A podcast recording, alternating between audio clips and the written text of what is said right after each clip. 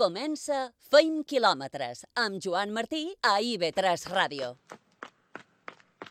Aixecat amb ganes de cercar la llibertat, de posar-me xandall i deixar d'estar aturat, agafar-se de l'ou i bugar al contravent, ser capaç de creure que pots el meu millor intent.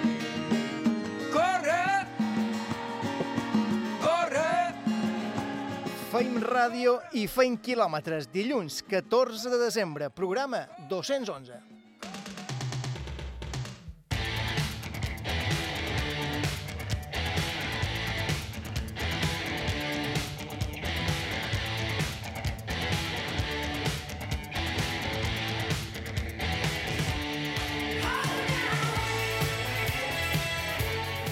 Alejandro Forcades i Amanda Martín han estat els representants més ràpids de la delegació balear al Campionat d'Espanya de trail running disputat a Eivissa. Avui parlarem amb ells.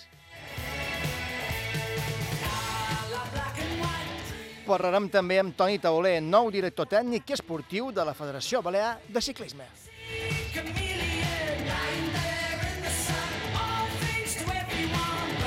Passarà també pels estudis de feint quilòmetres Aitana Garrido, campiona de Balears d'ultradistància als 3 dies trail d'Eivissa.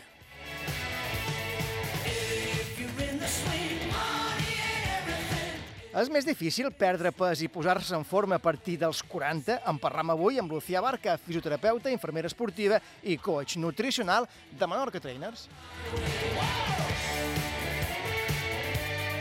I entrevistarem avui Miquel Pucurull, corredor de fons, maratonià, home inquiet i tot un referent de les curses populars a Catalunya. Té 82 anys, en fa 42 que va començar a córrer i suma al seu palmarès particular 46 maratons, entre moltes altres curses.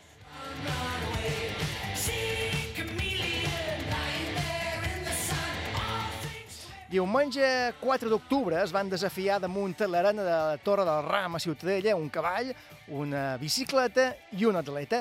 Llavors el cavall va demostrar que era el més ràpid, però això no acaba aquí. Diumenge hi ha revenja a l'hipòdrom municipal de Maó.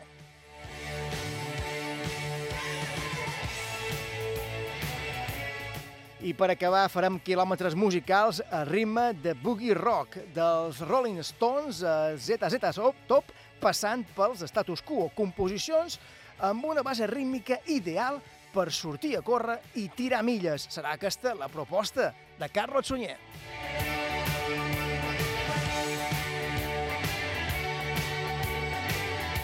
Josep Escudé i Iker Hernández són el control tècnic, José Sallés a la producció i qui us ratlla, un servidor, Joan Martí. Començam. La verdad que, que correr mola.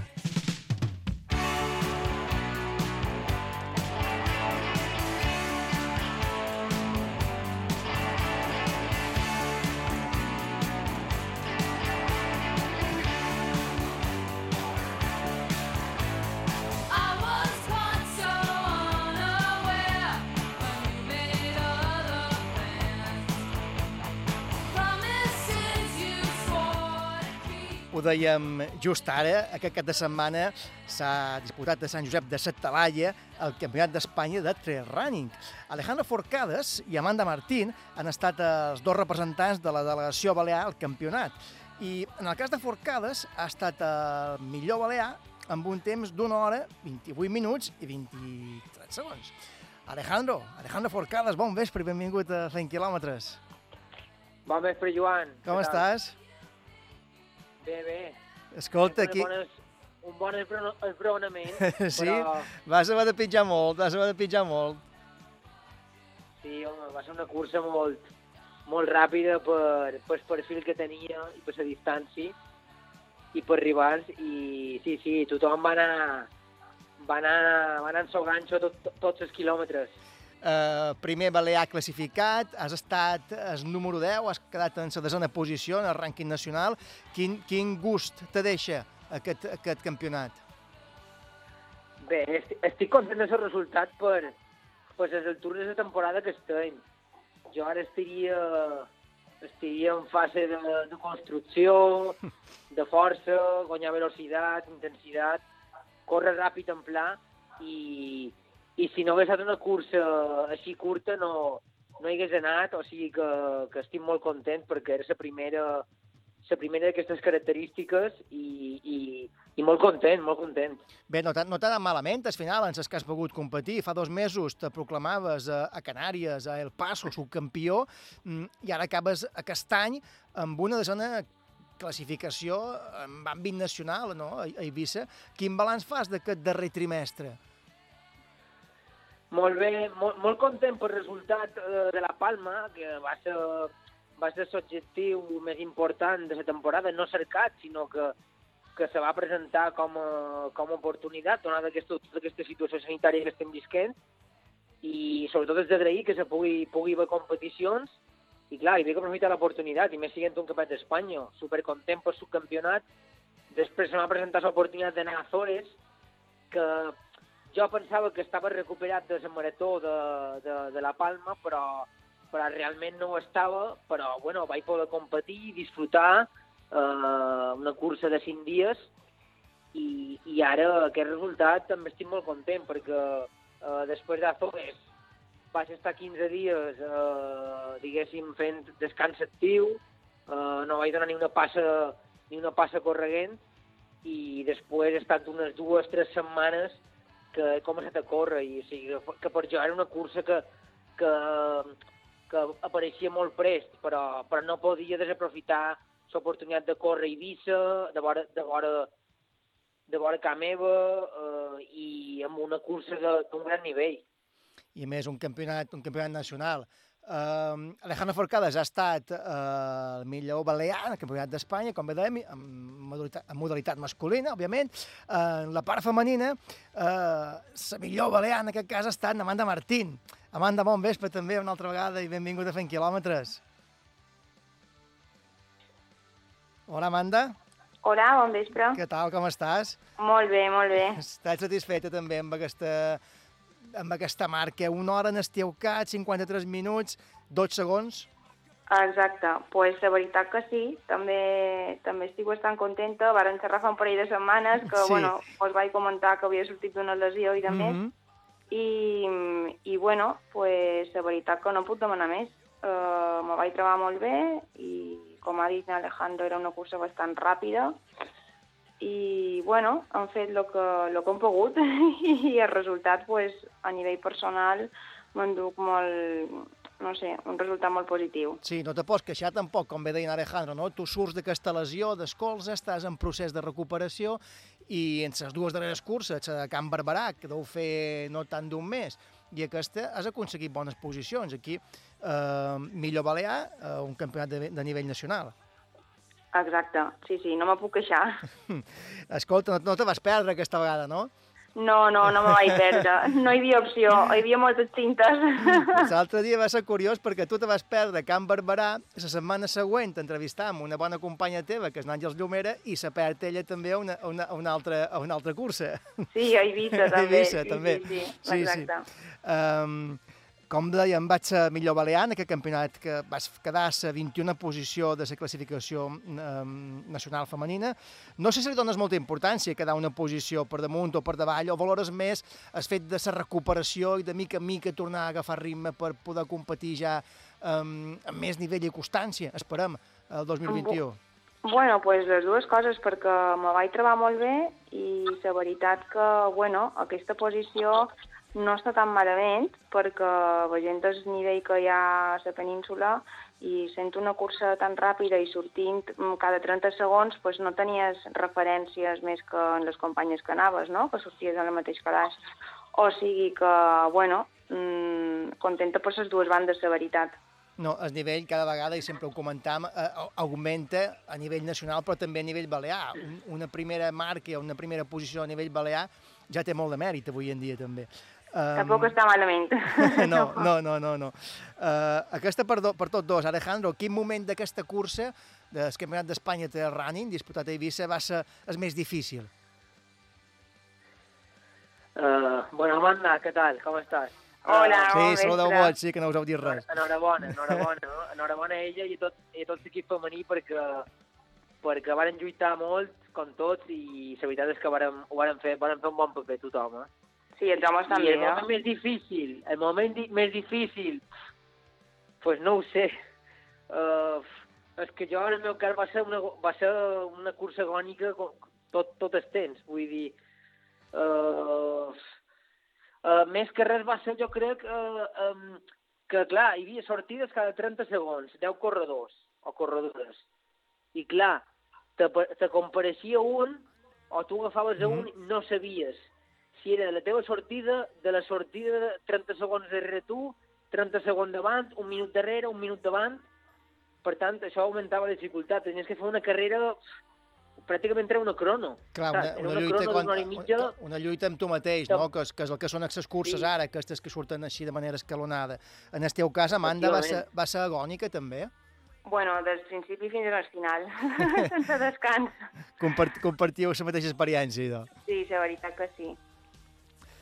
Uh, no sé si pel que queda ja de 2020 teniu eh, res pendent, perquè estem a punt de tancar, de tancar l'any. A la vista de com ha anat aquest darrer trimestre, uh, deixau ja, doneu ja l'any per tancat o encara, encara fareu alguna coseta més? Alejandro?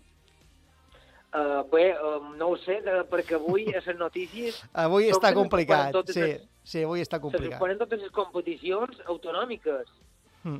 Jo, Durant, qui, exemple, durant, anava- sí, durant aquests 15 dies entram en el nivell 4 i probablement ja fins al 2021 és molt probable que no hi torni a haver competicions a nivell balear, però sí a nivell nacional, que és el que me referia. No sé si teniu pendent alguna cosa eh, Jo- fora d'aquí, a sortir, no sé si tu tens eh, compromisos amb el Boat Fist System. No, no, no, abans de Nadal res. Havia, havia planificat uh, fer el duatló de muntanya que hi ha aquest dissabte a Falanits, però veient les notícies d'avui crec que l'hauran suspès. Sí. De fet, Amanda per Martín, tant, clar, no... que, crec que tam- també que fins i tot segurament les Sant Silvestres també podrien quedar ajornades, no ho sé. En el teu cas, Amanda, com ho veus? Bueno, jo tenia planificat un parell de crossos i algun, bueno, un Sant Mm. Silvestre, però també pues, un poc el mateix, pendents de com vagi tot. Alejandro Forcades i Amanda Martín, eh, millors representants balears al Campionat d'Espanya de Trail Running, que s'ha disputat a Sant Josep de Satalaia aquest cap de setmana. Molts d'èxits eh, pel que queda del, del 2020 i sobretot que el 2021 sigui moltíssim, moltíssim millor. Eh, moltes gràcies a tots dos per haver estat de fent quilòmetres una vegada més. Gràcies a vosaltres. Gràcies, una abraçada a tots Adéu, dos. Moltes gràcies. Moltes. Adéu, adéu, adéu. Adéu. Visca fent quilòmetres! I don't care. I know you're gonna hate this song. That said, we never really got along. Not new. It won't light up parade. It's just verse. Music will. Els ha anat molt bé, Alejandro Forcada i Amanda Martín, però encara li va anar millor eh, la següent protagonista. Aitana Garrido eh, va ser fa dues setmanes la primera balear al campionat autonòmic d'ultradistància d'Eivissa, per tant, campiona de, de Balears. És de Sóller, corredora sollerica, que tindrà Sóller, que treu tan bons ultrafundistes. De fet, el guanyador, el campió també era de Sóller, era en Tòfol Castanyent, els quals ja vam entrevistar en el seu moment, després de guanyar també aquest campionat. I, i na, mm, Aitana Garrido ho ha aconseguit en 23 anys només. Aitana, Aitana Garrido, bon vespre i benvinguda a Fent Quilòmetres. Bon vespre, gràcies. Com estàs? Molt bé, ja recuperado. Sí, déu nhi a 84 quilòmetres. Sí. Quant, quant de dies o setmanes eh, necessita una per recuperar-se? Jo està, vaig estar una setmana que em va costar tornar a començar. Va costar, no? Sí, en bici un poc per amullar, però sí. Ja, tu vas, vas mm, creuar la línia de meta després de 14 hores i 47 minuts i 22 segons.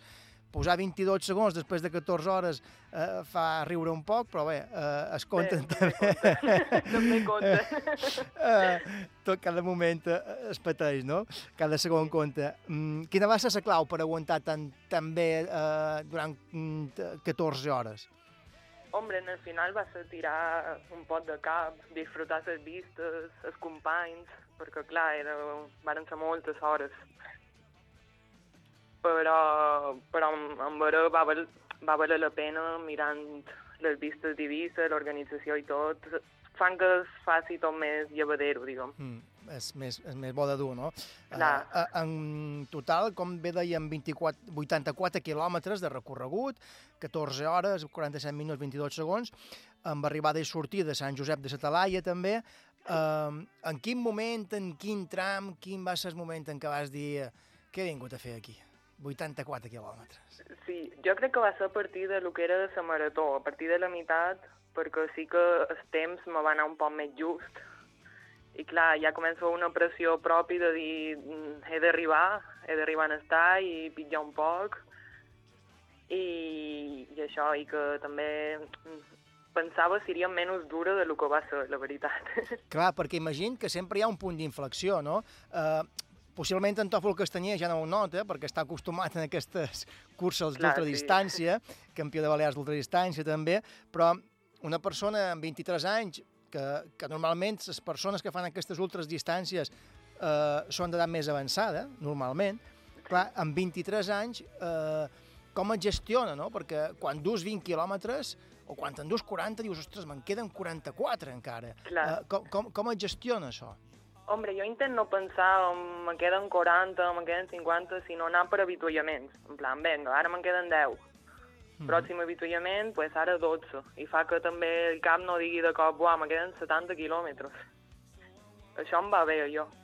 Clar, segurament que si penses me queden 70 quilòmetres te retires. No, el, primer el primer avituallament dius, bé, ja n'he fet 10, eh, ja ho tenc bé. Sí, no, i que la gent, clar, el que diu que era molt gran, o sigui, me sentia un poc petita d'edat veient que, eh, sobretot el nivell, que era molt alt. Hi havia gent molt bona. Clar, és que va ser una mica la sorpresa, no? 23 anys, eh, primera Clar. classificada de la federació eh, amb llicència amb llicència balear. Tu ho, ho, ho podies preveure això? Ho tenies previst? Que tenies opcions? Ho esperaves? Va ser una No, la veritat no. El, en, en Dani de Mallorca Trail em va dir que, que aquest any per les carreres que eren poques dones, però mai vaig arribar a pensar que, que seria jo, diguem. sor- Dani Sales, Mallorca Trail, el teu entrenador. Uh, sí, bé, el president del club, sí. te guia una mica, um, va, va guiar una mica també en Tòfol Castanyer, no has triat malament. Clar.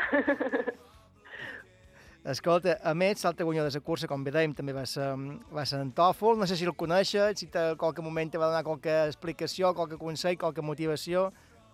bueno, diguem, quan em va adelantar la carrera, perquè, bueno, en Tòfol, és a dir, ell sempre en paraules d'ànims, és a dir, bé, del mateix poble i, hombre, escolco aquí seguir. Mhm. Són paraules majors, diguem. Uh, escolta, Aitana, aquest 2020 ja, ja acabes. A- Amb 23 anys, no sé si dues moltes curses fetes ja d'aquesta distància, per cert, D'aquesta d'ultradistància. n'havia fet una, que era de la de camí de cavall de 85 quilòmetres. Havies fet la part del nord, Sí, exacte. de 85 quilòmetres. I ja te... El que passa que, clar, els terrenys vaig veure que eren molt, molt diferents. Clar, clar. Uh, i, I no havia estat enguany.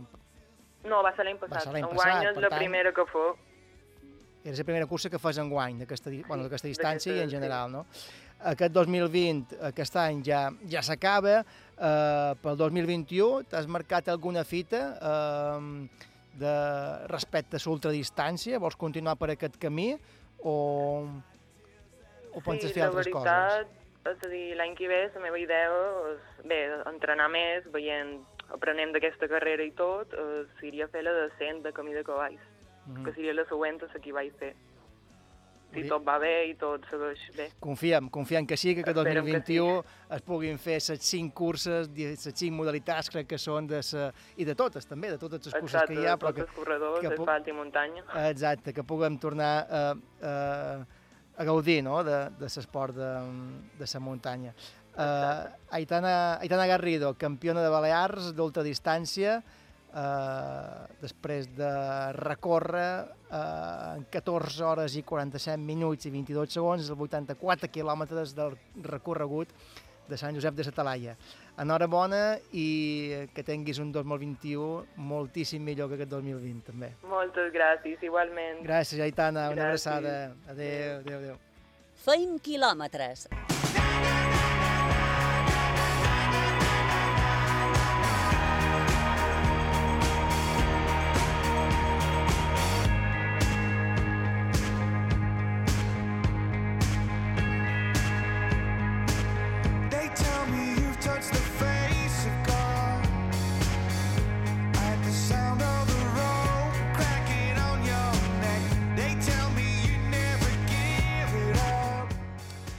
Altre que està acostumat també a fer molts de quilòmetres, en aquest cas normalment els fa en bicicletes, Antoni Tauler, que està proposat per la Junta Directiva de, de la Federació Balear de Ciclisme com a nou director tècnic i esportiu de, de la federació.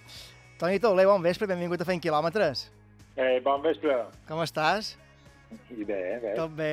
Escolta, to, eh, Toni, tu sempre has estat vinculat en el, en el ciclisme, però ara ho faràs des d'una posició un poc des del despatx, que diguem, no? Com, com ho afrontes en això? Home, ja fa un parell d'anys que estic eh, ja fent els, baldes de la barrera. això sí. Estic a a l'altra banda. Però ara, amb, amb la confiança que ha, que ha posat la, la federació damunt la meva persona i aprofitant l'experiència i tots aquells anys que, que hem viscut de ciclisme, eh, m'agrada, estic il·lusionat perquè poder eh, transmetre tota aquesta, eh, aquesta experiència que he tingut en aquells anys per ajudar aquells atlats, aquells atlats joves, en els, en els seleccionadors, en tots els problemes que, que venen. Mm. O sigui que quan surt a la península a les competicions o per planificar la temporada. Com, com bé has dit, ara ja fa un parell d'anys que veus els bous des de, des de la barrera, no? Però durant molts d'anys has estat allà enmig corrent, corrent darrere els bous, no? Com aquell qui diu. Uh, tu que tens experiència també enmig de la carretera com a ciclista, uh, ja saps quines són les primeres mesures necessàries i urgents que s'han de prendre per, per millorar uh, l'esport de ciclisme a les Balears? Home, l'esport de ciclisme i la federació ja duen un, un, un recorregut molt ampli i s'estan fent les coses bé. Ara veurem, veurem amb Fernando Lloret i amb tota la Junta a veure què és que se pot fer i cap a on va enfocada i, i això d'un poquet de, de cara als seleccionadors, que, que, què és que volen fer, eh, a on s'han d'anar a agafar els punts per participar en el Campionat d'Espanya, i veure també els atlats que, que, que tinguin ganes de, de formar part i de representar les illes. Mm.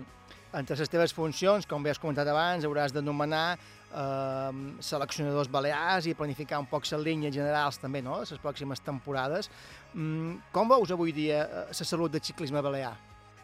Bé, el ciclisme estem vivint una època dorada amb en Enric Mas, en Lluís Mas, en Mavi García i d'altres corredors professionals que, que estan donant la cara i, i estan allà en primera línia i, això ens il·lusiona i, i ens agrada. Mm. Per una banda hi ha que punt eh, d'il·lusió, no? Eh, els joves i les joves veuen aquests referents, de Mavi Garcia, en Enric Mas, en Albert Torres. També hi ha ciclistes d'elit que conten que, que la falta d'un equip potent a les illes no? eh, els obliga a sortir i molts d'ells, llavors, clar, queden, queden pel camí o no troben l'oportunitat, no?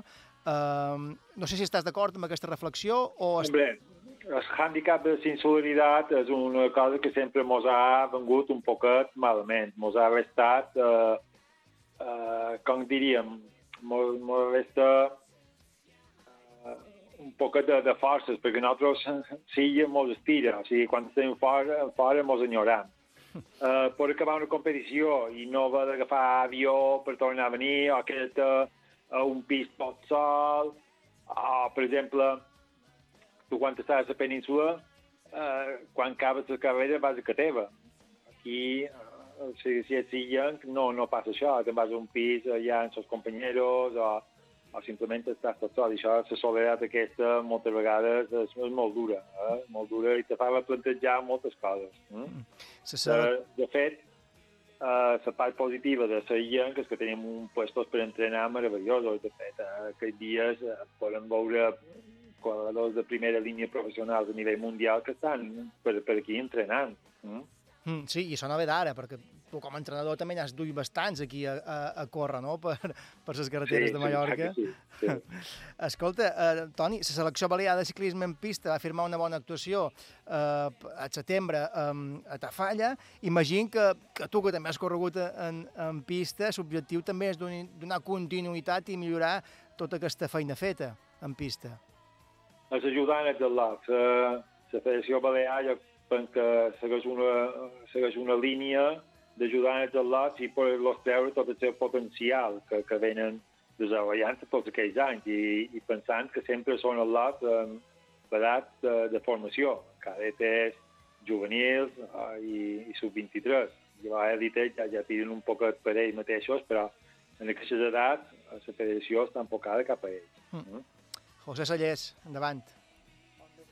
I, uh, bon vespre, Toni. Uh, xerraves ara que, que la salut eh, del ciclisme balear és, està molt fort, uh, té molta salut el ciclisme balear, i ara molta gent que està començant veuen Enric Mas, veuen Albert Torres, veuen Lluís Mas, uh, que se'ls compari uh, o que vegin aquests, jugadors, aquests corredors a l'elit, és un al·licient eh, o és una forma de pressió? Uh, si aquests Xavi Canyelles, si aquests uh, uh, ciclistes que estan començant o que, o que a poc a poc estan en categories sub de 9 o sub 21 uh, veuen uh, aquests que se'ls compara o que aquests, aquests corredors ja han arribat tan lluny, és una pressió o un al·licient? Jo penso que és un al·licient, perquè eh, són tant Albert Torres, que m'he oblidat d'ell abans, ja, gran amic Albert. Ja s'ha apuntat. Ja, L'Albert devia escoltar i dir Toni Toler, ja no penso en Sí, jo. Ja. I jo penso que és un al·licient, perquè són gent molt propera. O sigui, són gent professional que està a primera línia, però també les pot veure entrenant per, per les carreteres de per aquí, i, i venen i tu pots xerrar amb ells, i això és una cosa propera.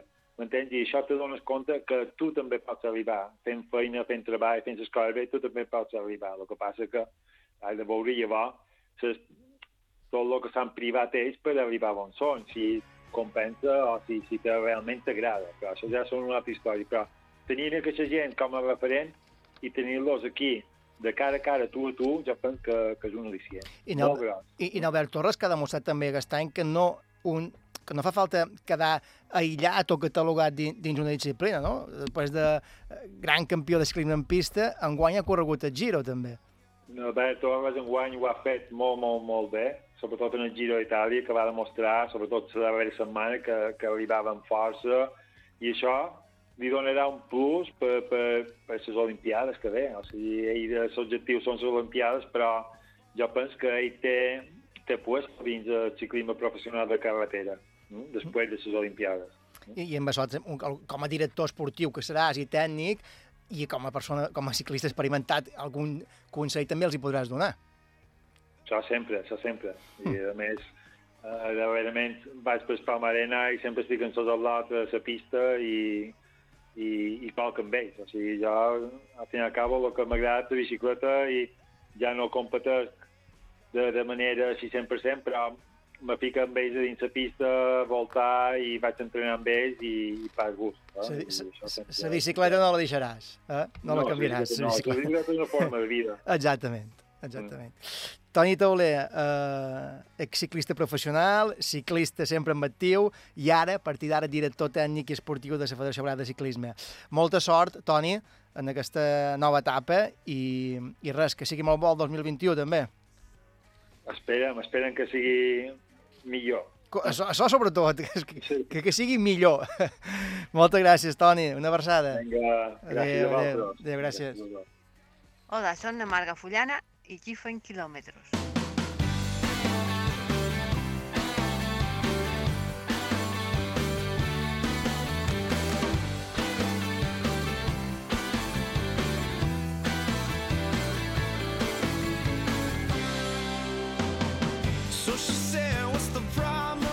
José Sallés, com estàs? Com han tingut temps de, de xerrar, quasi? Tot perfecte, tot perfecte. Escolta, començam la setmana en campions, eh, amb una campiona com la Maitana Garrido, eh, Alejandra Forcades, Amanda Martín, bona posició aconseguida en el campionat, en el campionat d'Espanya té el running disputat a Eivissa, els dos millors balears. Eh, la setmana ha començat també amb, amb aquestes novetats, l'organigrama de, de, de la Federació de Ciclisme, mm, però bé, com dèiem, el cap de setmana també ha deixat eh, part guanyadors al Campionat d'Espanya del running d'Eivissa. Sí, han estat el valencià Andreu Blanes, que va completar la prova amb 1 hora i 21 minuts i 27 segons, i en modalitat femenina la donostiarra Sara Alonso, que va creuar la línia de meta en 1 hora 39 minuts i 22 segons. En aquest cas serien els dos més ràpids d'aquest campionat Sí. d'Espanya, de, disputat a Eivissa. Uh, I a Mallorca, Toni Gran i Gemma Llebrés, uh, això va ser, crec que va ser di, dimarts, mm, es van proclamar campions de Balears de 10 quilòmetres en ruta. Sí, Toni Gran va creuar la línia de meta en 31 minuts i 25 segons, mentre que Gemma Llebrés, campiona en la modalitat femenina, ho va fer en 36 minuts i 36 segons. I la Challenge de ciclocross ja té campions. Aquest cap de setmana s'ha celebrat la darrera prova i Toni Pasqual s'ha imposat a l'Open A, Javier Salmerón a l'Open B i Neus Capellà en categoria femenina. Enhorabona a tots tres. I, José, acabam amb una novetat important que entrarà, crec que en vigor ja a partir de demà, degut a la situació sanitària que afectarà també a l'esport de, de muntanya. Sí, atenció a tots els que vulguin anar a la muntanya perquè a partir de demà, dimecres eh, fins dia 29 de desembre, se permetran activitats a l'aire lliure de muntanya i d'escalada, això sí, en grups de màxim 6 persones. A més, els rocòdroms només podran tenir un màxim del 30% de l'aforament. Tot, eh, Joan, per intentar continuar baixant aquesta, aquests contagis de coronavirus. Clar, i tot vinculat en aquest eh, nivell 4 que ha quedat de, decretat avui.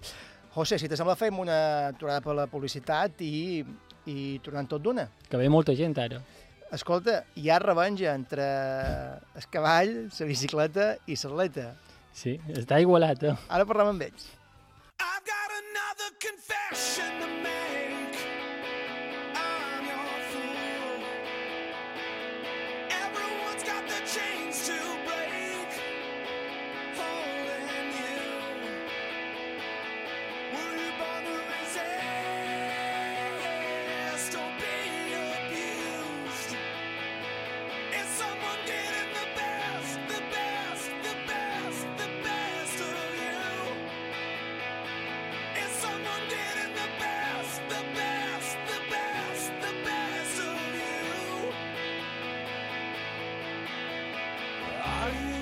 Diumenge 4 d'octubre es van desafiar damunt Serena de Torre del Ram, a Ciutadella, un cavall, una velo, una bicicleta i un atleta. Llavors, eh, el cavall va demostrar que eres més ràpid, però eh, això no acaba aquí. Aquell dia, aquell diumenge, feia molt de vent i les condicions no eren tal vegada les més òptimes i equilibrades per les tres parts. Però bé, el cert és que va guanyar, va guanyar el cavall. Però ara, com bé dèiem, hi haurà revenja. Aquest diumenge, 20 de desembre, aquesta vegada serà a eh, l'hipòdrom municipal de Maó, Miguel Huguet i el seu cavall Boilotín, Toni Quero i Joan Florit, eh, el manador i el seu cavall, el ciclista i l'atleta, es tornen a veure les cares, aquesta vegada també a benefici d'Espanop. Miguel Huguet, bon vespre i benvingut a Fent Quilòmetres. Bon vespre, Joan. Com estàs? Bé, i tu? Tu i en Boilotín són el, sou els vigents guanyadors d'aquesta particular cursa, però ara resulta que volen ser revenja. Eh? Sí, sí, la veritat és que... Sí, sí, uh, no, no, no, no acaba aquí, com és ben dit, vull dir que... I has acceptat, has acceptat el repte, eh? Sí, sí, sí, sí, i sobretot per ser causa una altra vegada, vull dir que la causa bé ho mereix. I, escolta, Miguel, sobre quines distàncies correreu aquesta vegada? Avam, clar, ara hem de pensar que si podem de, de Mo és més petit. Uh, té una corda d'uns 630 metres, vale? i clar, i, i, aquí pues, haurem d'equiparar una altra vegada les distàncies. Com bé has dit, eh, dia 4 d'octubre eh, va fer una ventada i va marmar les condicions, sobretot d'en Quero, de, de les de bicicleta, jo crec que la va marmar molt. bueno, i el que te deia, la pista de Mo fa 630 metres. L'idea és que en Joan, el corredor, faci una volta, 630 metres. Uh -huh. Que en Quero en faci una volta i mitja, que seran damunt un 1.000 metres, uh -huh. i el cavall en farà dues. Dues, un poc més. O sigui, a Sarleta faria una volta de, de 630 metres, a l'hipòdrom de, de Mo, eh, en Boilotín i tu, que sou els cavalls, manador, en faríeu dues, i, i, eh, i Antoni Quero en faria una i mitja, començant tots a, a, a, en, el, A en, el mateix, en el mateix moment. No, Sí. no es compta dir- rellotge, això. És a dir, eh, eh, en Joan i jo sortirem en el mateix puesto, el que passa que en Joan només farà una volta i jo n'hauré de fer dues, i en Quero sortirà a l'altra banda de la pista, Mhm. fent una volta i mitja. Toni Quero, bon vespre també, benvingut una altra vegada Fent Quilòmetres. Bona nit, bona nit. Què tal, com està? Ets ciclista experimentat, muntanya, carretera, però salta vegades vent, va ser mal de, va ser mal de guanyar, eh? Molt, molt.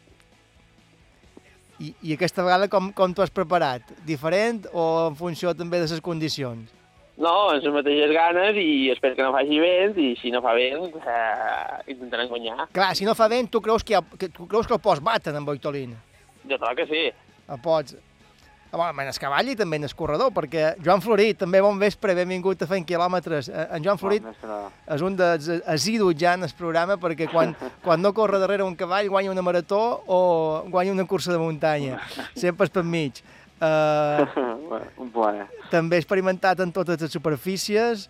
Uh, a, Sí. a, a Torre del Ram vas fer segon, crec, um, sí. tercer va ser Antoni Quero en la bicicleta. Uh, aquesta vegada, Joan, es tracta de ser més explosiu al principi o bé mantenir més les forces per anar a sprintar o per sprintar al final? Bueno, crec que és important les dues coses, no? Uh, com heu dit, és un poc més curta, crec que se m'afavoreix tant en Antoni com jo.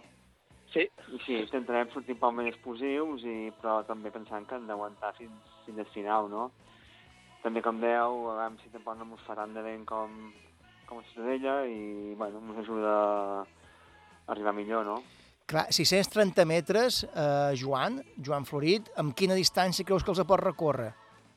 Amb un temps? Sí, Bueno, si és fer damunt un minut i mig. amb minut i mig. Potser un poquet més, depèn també del terreny que sigui. No hi haurà qui el agafi ni que... Ja veurà jo. Home, clar, no? Si, si, si el quilòmetre de surt a, a, po, a, po, a, a menys de tres. A, menu, a manco de 3, clar, vas bé, vas bé. Miguel, jo diré un altre velo, però, eh? Antoni No, Quero, no. Toni Quero, què? canviaràs de bicicleta. Clar, que canvi de bicicleta, ja veuràs ja. Quina, quina bicicleta trauràs? Una un poc, un poquet diferent. Una cabreta. No, no. Uh, to, clar, Toni, tu l'any passat també uh, vaig ser més ràpid i ho vam comentar l'altra vegada en pujar al Toro a la volta cicloturista de Menorca, que és més difícil uh, pedalar contra rellotge o, o córrer contra un cavall. Ara que ho has Uh. provat. Eh, que ella vam córrer fins ella contra el cavall perquè feia molt de vent, però el toro m'és més fàcil perquè ho té més a mà i, i m'agrada molt pujar al toro. I que és més fàcil pujar al toro que anar contra un cavall. I ho tens més entrenat, també. Sí. Ho tens més entrenat. Heu fet, heu fet alguna prova després d'aquell dia, després d'aquell 4 d'octubre? Heu tornat a provar? Us heu tornat a reunir tots tres? No. Sí, mol, sí No, molt van reunir, molt van reunir per dinar. Ah, sí, també. Serà bona prova, això. Es vau reunir per dinar d'allà on, va sur d'allà on va sortir aquest, aquest, aquest nou desafiament. revanxa, aquest nou exacte. desafiament, no? Exacte. També la idea surt de, de que na Vanessa Carreras, una, una jove que, que està dins la junta directiva de l'hipòdromo de Mo, pues, me va proposar a veure si podíem fer aquesta venda a, Mo. I, bueno, i també vam xerrar amb la Joana, la Joana Torres, que és la delegada de, d'Espanop a Menorca, pues, també. I, bueno, i, i clar, i evidentment aquests dos fenòmenos, que no me fallen mai, van acceptar el repte i, i, No, i i diumenge ens tornarem a veure. I, I ara que hi ha revenja, clar, la cosa està més interessant encara. Uh, clar, segurament, segurament serà, serà limitat, per raons òbvies. Uh, quin és el màxim que tindreu, que tindreu permès? Uh, jo he llegit uh, que fins a 450 persones uh, de públic es poden Clar, reunir aquí- segons l'aforament de si poden de Mo. Mallorca ha entrat avui en nivell 4, Menorca en Exacte. nivell 3, uh, hi ha diferències, però bé, uh, sí que es podrà comprar una entrada a 3 euros, que serà també per Espanop. Exacte, tot a benefici d'Espanop, exacte. I, bueno, i esperem que l'espectacle sigui un poc més vibrant que no és que va passar a Ciutadella perquè les condicions meteorològiques no van ser correctes i, bueno, i, i esperem que la gent pugui vibrar i, bueno, que guanyis millor. jo he vist, Miguel, he vist aquest dos amb moltes ganes, eh, aquesta vegada. Sí, sí, en. Joan, Florit, en, Joan, en Joan Florit amb un minut i mig diu que ho té acabat en això. I escolta, eh, Toni, Toni, tu has de fer una volta i mitja en aquests 630, eh, 630 metres. Quina, quin temps creus que pots invertir? No ho sé, jo ja, ja li donat un nugat avui, he xerrat amb ell, i demà tinc entreno i, ho, i ara confirmaré, però no ho sé, no ho sé, però tot el que t'agrada molt poc. De... Sí, a, a, a què t'amaga carta, Joan? Si la pista, si la pista, si la pista, de, si la pista de, de Ciutadella era una volta i eren 800, no? Mhm. Ja? Sí. Ja? I jo ho Sí, feia. Mm, quant ho feia? No recordo ara. No, no, demà, ho sabrà, demà ho sabràs, demà ho sabràs. Sí. Si, fa, si faig la prova. un cavall, una velo, una bicicleta i, un atleta. Um, a la primera cursa el cavall va demostrar que eres més ràpid, però ara ens fem una pregunta. Revalidarà amb Boilotin aquesta victòria? Ho tindrà més complicat aquesta vegada? Toni Quero ja té els pedals a punt, amb bicicleta nova, diu, i Joan Florit segur que ja ha passat per massatgista també i està, i, i està ben mentalitzat de, de quina carrera ha de fer. Uh, molta sort a tots tres i, i enhorabona per, per, per aquesta iniciativa, perquè sobretot és gaudir de l'espectacle i, i col·laborar amb Espanop. Molta sort Molt a bé, tots Joan. tres. Una abraçada. Vinga, salut a tots. Adéu, bona nit. Adéu. Fem, fem una petita aturada per la publicitat i passam per l'avituallament.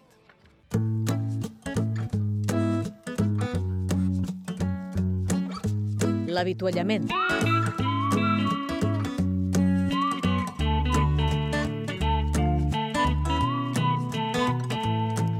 Obrim consulta, tenim ja Lucía Barca, fisioterapeuta, infermera esportiva i coach nutricional de Menorca Trainers. Lucía, bon vespre, com estàs?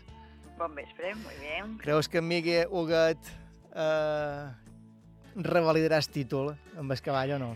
Mm, si el viento va a favor, yo apuesto por Tony, ¿eh? Apostes per Antoni Quiro. Es, escolta, uh, Lucía, avui parlam de, mm, de fer esport a partir de, dels 40, no? Molta gent eh, comença a córrer i a fer esport a partir dels 30, 35 o 40 anys. És més difícil perdre, perdre pes i posar-se en forma a partir dels 40? Pues, si ets si una persona normal i no, en- i no fora de sèrie com Antoni Quero o en Joan Florit? Desde luego, eso hay que tenerlo en cuenta. Mira, si nos basamos en estudios científicos, pues vemos que no podemos dar una edad exacta, pero sí parece que a partir de los 40 años hay una desaceleración del metabolismo, ¿no? Eh, consumimos, pues, mm, lo que he podido leer, sobre unas 300 kilocalorías diarias menos que un adulto de 20 años. Esto según el Consejo Americano del Ejercicio, por lo tanto, mm, sí que sería un poco más difícil que con 20, 30 años. I això afecta igualment a homes i dones? Pues no, no, no afecta por igual. Eh, en mujeres suele ser más acusado. Eh, fíjate, a partir de los 40 lo que sí sabemos que va descendiendo la producción de testosterona en hombres y estrógenos en mujeres, que estos son las hormonas sexuales masculinas y femeninas, ¿no? Que nos regulan. La testosterona en hombres tiene una relación directa con el metabolismo de los azúcares y la producción de insulina, lo que favorece que se acumule más grasa, por ejemplo, en, la zona en la zona abdominal, en la zona de la barriga.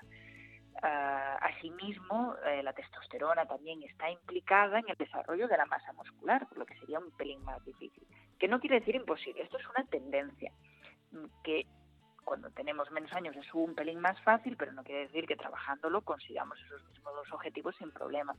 Y luego, en el caso de las mujeres, que te comentaba que era un poquito más acusado, a medida que se acerca la menopausia, pues empieza a descender la producción de estrógenos y progesterona, que son las dos hormonas fundamentales, vinculadas con el metabolismo, y lo que también mm, favorecen un mayor acúmulo de grasa corporal, ¿no? En las mujeres también se habla de ese acúmulo, sobre todo en el abdomen, a ambos lados de- del ombligo, ¿no? Y esto, unido al resto de variaciones hormonales, pues favorece, lo que te digo, la ganancia de, de peso y obstaculiza un poco la pérdida de grasa. Pero quiere decir que hay una mayor tendencia, pero no quiere decir que esto también, también sea irreversible y que si lo trabajamos, pues también lo podemos conseguir. I hi ha altres factors que, que en aquest augment de pes? Pues mira, mm, revisando bibliografía hemos encontrado eh, estudios que hablan de factores psicosociales y le dan mucha importancia. Uno de ellos es la disminución de la actividad deportiva y física, mm, un aumento del sedentarismo. ¿no? Ah, otra que me llamó la atención es la centralización del ocio en actividades gastronómicas, ¿no?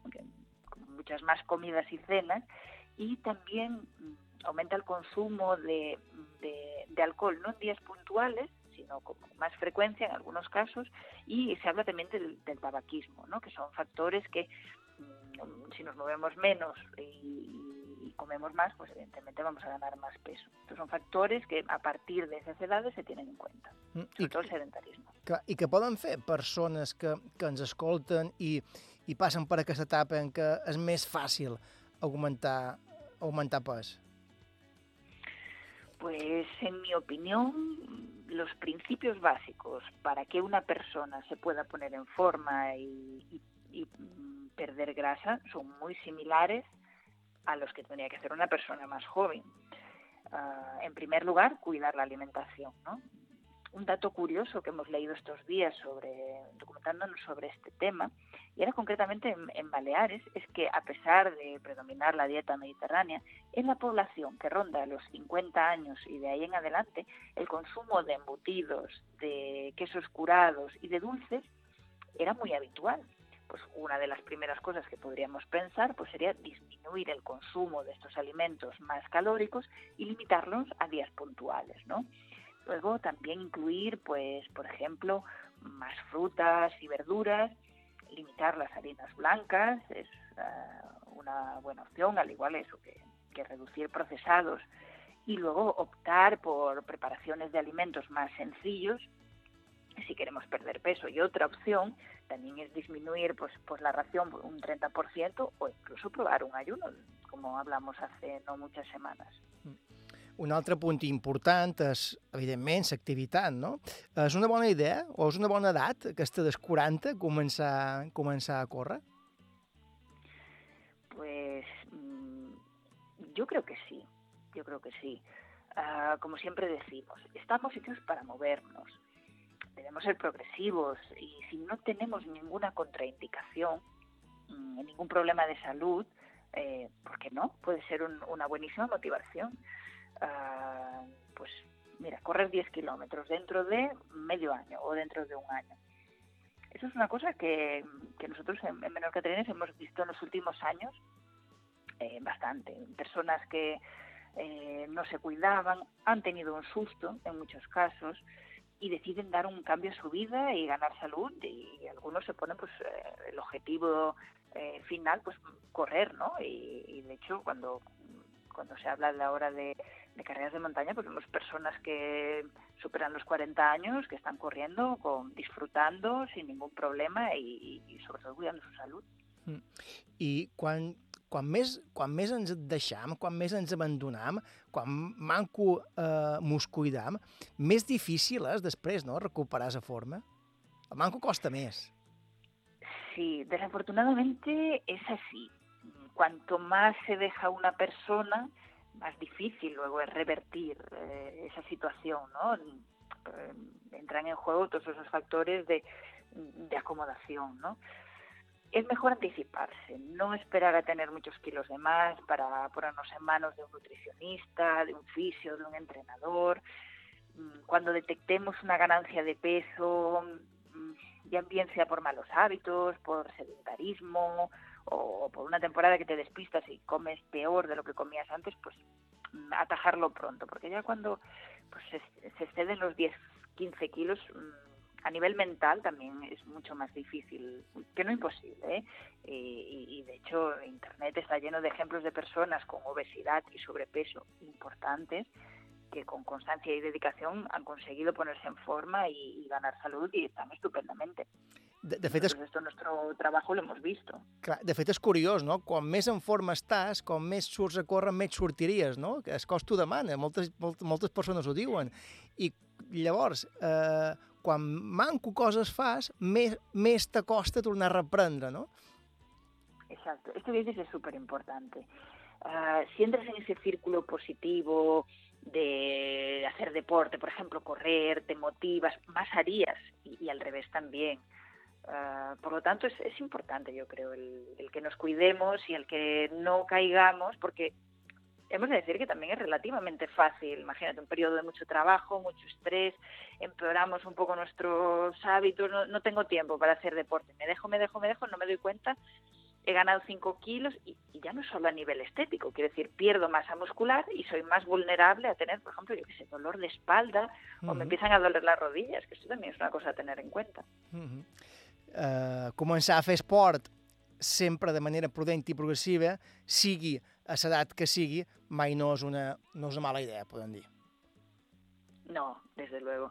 La verdad es que el deporte es salud y, y no me canso de decirlo, estamos hechos para movernos y nos va a traer muchos beneficios, cada uno el que le guste, el que le haga disfrutar, porque lo más importante al final es, es, es disfrutar, pero tiene un trasfondo de, de salud que es básico, ¿no? Que si sabemos que si nos movemos, que si hacemos actividad deportiva, pues vamos a estar más sanos y eso debe ser una prioridad en nuestra vida.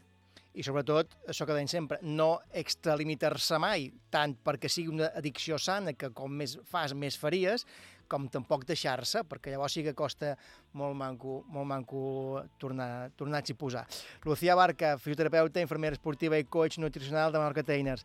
T'esperam la setmana que ve, que serà el darrer programa abans de Nadal. Aquí estaré. Una abraçada, Lucía. Una abrazada. Adéu, Adéu. vagi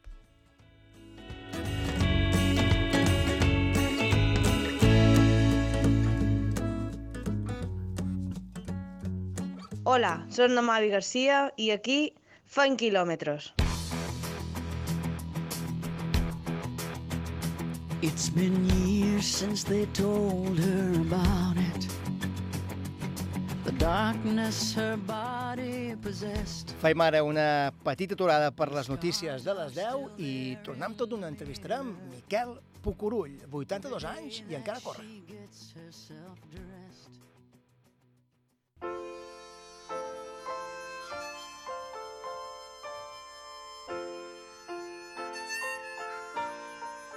L'entrevista.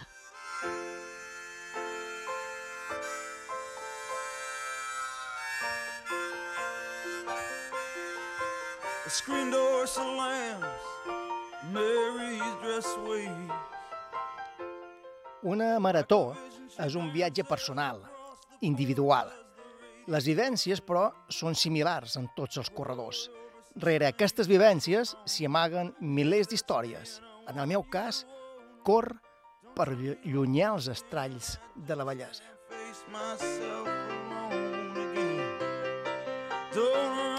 La cursa és finita, la vivència que em deixa inabastable.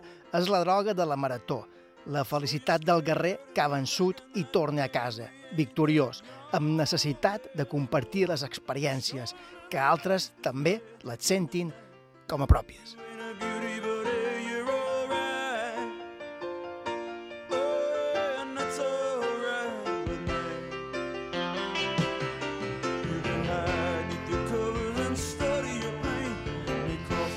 Són aquests dos fragments del llibre Mai no és tard, d'un corredor de fons, maratonià, home inquiet, i tot un referent de les curses populars a Catalunya, Mai no és tard, escrit per Miquel Pucurull. Té 82 anys, en fa 42 que va començar a córrer i suma al seu palmarès particular 46 maratons i moltes, moltes pàgines escrites.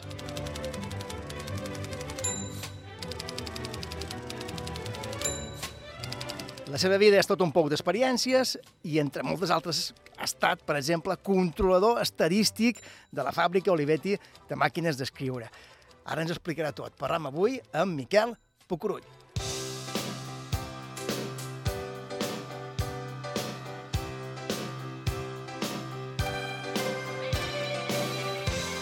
Miquel Pucurull, bon vespre i benvingut a Fent Quilòmetres. bon vespre. Com està?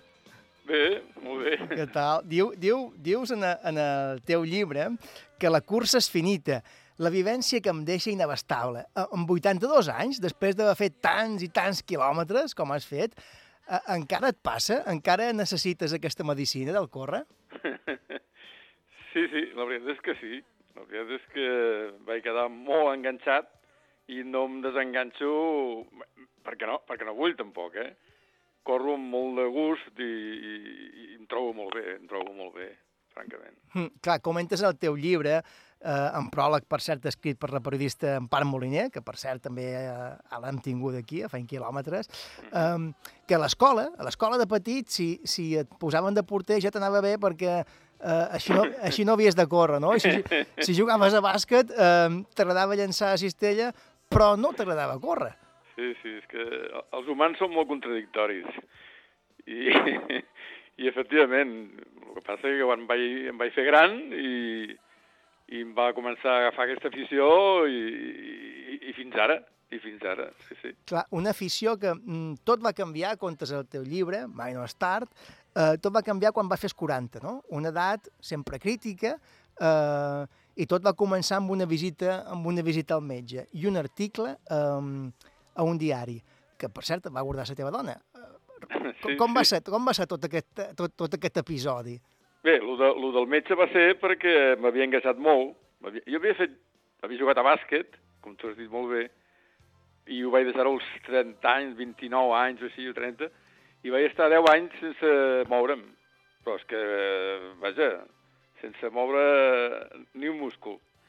I em vaig anar engreixant, em vaig anar engreixant i vaig anar al metge perquè no únicament estava gras, sinó que pues, eh, per les nits em costava molt dormir, em despertava insomnis per la feina, per la feina, el neguit de la feina em feia estar molt, molt estressat, eh? I el metge em va dir, escolta, tu tens que fer, tens que fer alguna cosa perquè, perquè no, no, no, va bé això, això no va bé, eh? El, el, el pes és important i has de fer exercici. I per casualitat, un dia vaig llegir el diari, el diari Avui, que un senyor que havia corregut la Marató de Nova York i que estava a Barcelona per feina, ell era català però, però vi- vivia als Estats Units i, i havia tornat per feina aquí a, a Catalunya, ell recomanava que les persones sedentàries per poder començar a córrer, que, que, que era una cosa que, sobretot als Estats Units, s'havia posat de, de moda, doncs que si volien fer-ho, els hi recomanava a través d'un pla senzill que ell l'oferia a qui volgués eh, seguir-lo. I, I, efectivament, la meva dona va anar a la redacció del diari a buscar la fulleta aquesta, que era el pla per poder començar a córrer, i un dia arribar a casa me'l vaig trobar. I, i, i, i- i aquí està la- l'essència de tot plegat, no? Mm. Aquest senyor era el Ramon Oliu, que era un català, que és mort ja, eh? que, com, com et deia, va viure als Estats Units, va córrer la Marató a Nova York i va quedar encisat i, i va venir aquí a Catalunya, va anar a preguntar quan es corria la primera marató i no li van poder dir res més que, que, que, que no es feia la marató, que no, se'n feia únicament una a Espanya, una a l'any, una a l'any, que un any es feia a Madrid, un altre any es feia a Toledo, un altre any es feia a Sevilla, i, i era el campionat d'Espanya de marató per, a- per atletes federats. Mm. Per tant, podem dir que aquell article escrit per Ramon, Ramon Oliu, eh, que per cert va ser impulsor de la primera marató que ha obtingut a Catal va obtenir Catalunya, l'any 1978, eh, just precisament l'any en què, en què Miquel Pucurull comença a córrer, no? Eh, explica una mica això també als teus inicis. No- No sé si vas córrer aquella marató ja al 78. No, no, no, no, no. Eh, Ell, aquest bon home, no va poder fer la, la marató a Barcelona perquè no li van donar permís, i la va anar a fer a Palafrugell. Mm -hmm. I jo en aquella època encara ni pensava a córrer ni, ni res. Va ser que eh, la marató del 1980 sí que es va fer a Barcelona i el, el, aquest, aquest eh, article al diari el vaig llegir a mitjans del 79. Eh? Al mitjans del se- del 79 que ell havia fet dues maratons, havia, havia organitzat dues maratons, les dues primeres que es van organitzar a Espanya, precisament, una a Palafrugell, les dues primeres a Palafrugell, i la tercera, del 1980, s'havia de fer a Barcelona. I va ser l'origen de tot plegat, sí, sí. Mhm. Des de llavors, Miquel, eh, Miquel Pucurull, se t'ha estat també una, una labor de divulgació, no? Qui t'ho havia dit, no? Eh, potser té a veure amb lo de les màquines Olivetti, no? Que, que, que, eh, I, mm, clar, i, i ha estat una labor de, de divulgació i a casa t'han seguit les passes, també. Però crec que pràcticament correu tot ja. eh, la teva dona, la Felicitat, també ha fet maratons. Sí, eh, la teva filla, Elisenda, el 1990 va guanyar la Marató de Barcelona, també la de València, crec que tres anys seguits. Mm, clar, eh, al final... Veig que estàs molt ben informat, eh? al final de no, de no, de no ser corredor i de no voler córrer, eh, comences a córrer amb 40 anys i arrossegues tota la família. Sí, eh, tots vam quedar molt encisats per, per, pel fet de començar a córrer i veure que és una, una pràctica que va molt bé i, i efectivament, a casa, doncs, fixa't, la meva dona em va fer sis maratons i segueix corrent ara, que ja en té 80, eh? I, i segueix corrent se, cinc, di sis dies a la setmana, i en descansa un, i cada dia fa una hora i quart ben bé. O sigui que som, som molt addictes, som molt addictes. I la meva filla segueix entrenant, no corre, no, ja no corre curses de cap eh, mena, però segueix entrenant gairebé cada dia, també. I tot a partir d'un article d'un diari fa 40 anys, tu. Sí, efectivament, així, així és, eh? així és, eh? perquè si no hagués vist aquell article, doncs a la millor seguia encara a engreixar-me, o a la millor ja no existiria, perquè Qui sap, el, metge eh? no, el metge no ho va posar gaire fàcil. Aquell article em va salvar la vida, quasi. Eh? Sí, sí, sí. sí. Entrevistam avui a Miquel Pucurull, que és autor del llibre Mai no és tard. Uh, ell és corredor de fons, maratonià, home inquiet i tot un referent de, de les curses populars. Té 82 anys, en fa 42, que va començar a córrer, encara no ha aturat, i ha fet 46 maratons, entre moltes d'altres curses. Uh, Miquel, col·labores en programes de ràdio també, uh, proposen xerrades en universitats, tens un blog... Uh, després de 42 anys, pots afirmar que córrer, com, com comentam sempre, és una addicció que crea i produeix benestar? Sens dubte. És com una mena de, de droga, però benigna. O sigui que, sí, efectivament, quedes molt...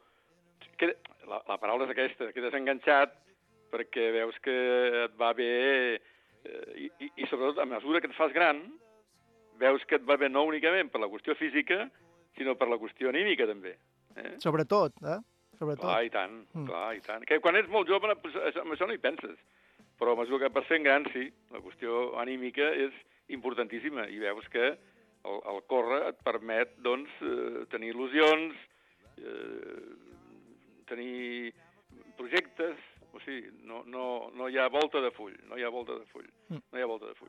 Deia- Jo comences a córrer, jo vaig començar a córrer per perdre pes, perquè estava gras. Per un motiu de, de salut, es pot dir.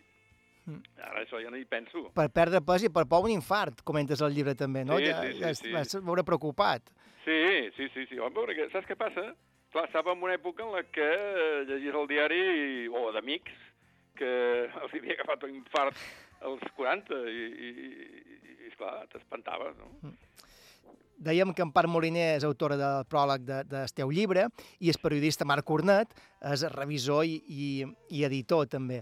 I tant. No, no, perdona, Marc Cornet, Marc Cornet, eh, es pot dir que la- el llibre aquest el vam, el vam escriure a quatre mans, entre el Marc Cornet i jo, eh? O sigui que, eh, i tant, i tant, i tant, i tant. O sigui, ell l'editava i, i li donava un, un, un caire, jo diria, més, més literari, si es pot dir, no?, el que jo escrivia. Sí, sí, i tant, Marc Cornet, i tant, el que aprecio moltíssim.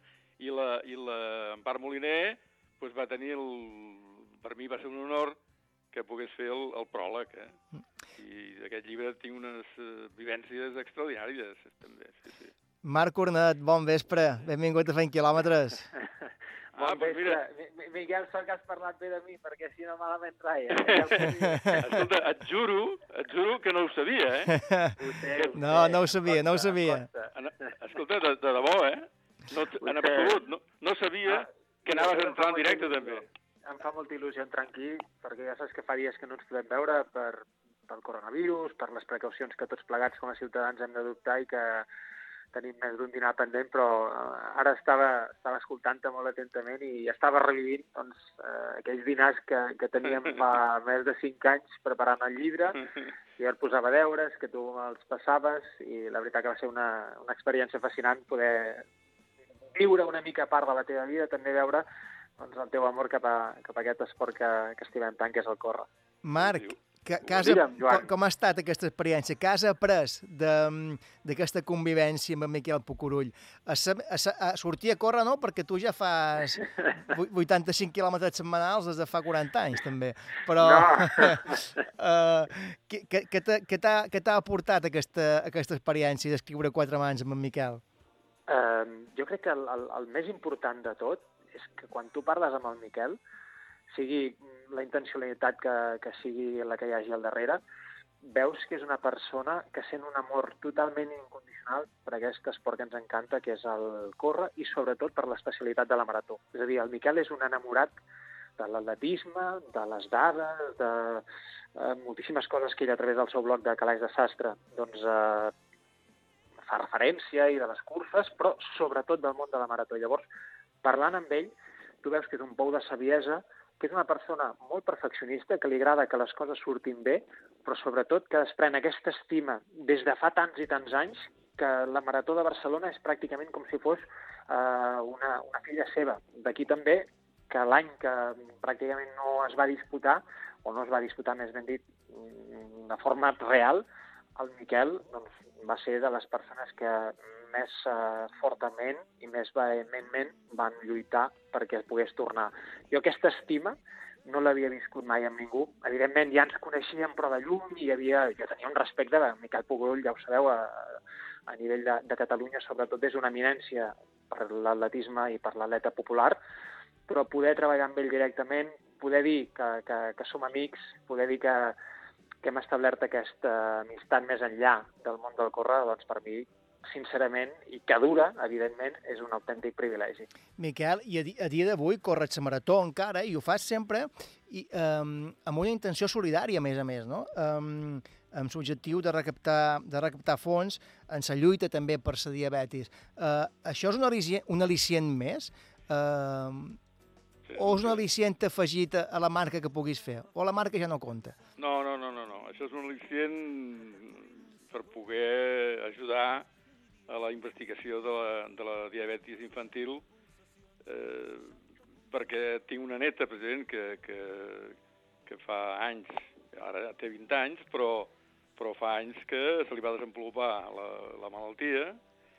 I jo havia vist a la Marató de Nova York, la, va- la vaig córrer amb la meva dona, per cert, tots dos la vam córrer eh, fa gairebé 30 anys, que en allà molts participants ho feien per una causa solidària. O sigui, tots amb una samarreta, el, portant una rètol dient corro la marató per, per, què sé jo, per l'Alzheimer, o corro la marató pel, pels infarts. Corro... O sigui, ho feien, va, vaig estar preguntant i em van dir, sí, aquí el que fem és que abans de córrer la marató pues, recaptem diners amb els amics coneguts i qui sigui per la causa concreta no? que, que, volem, que volem eh, portar endavant.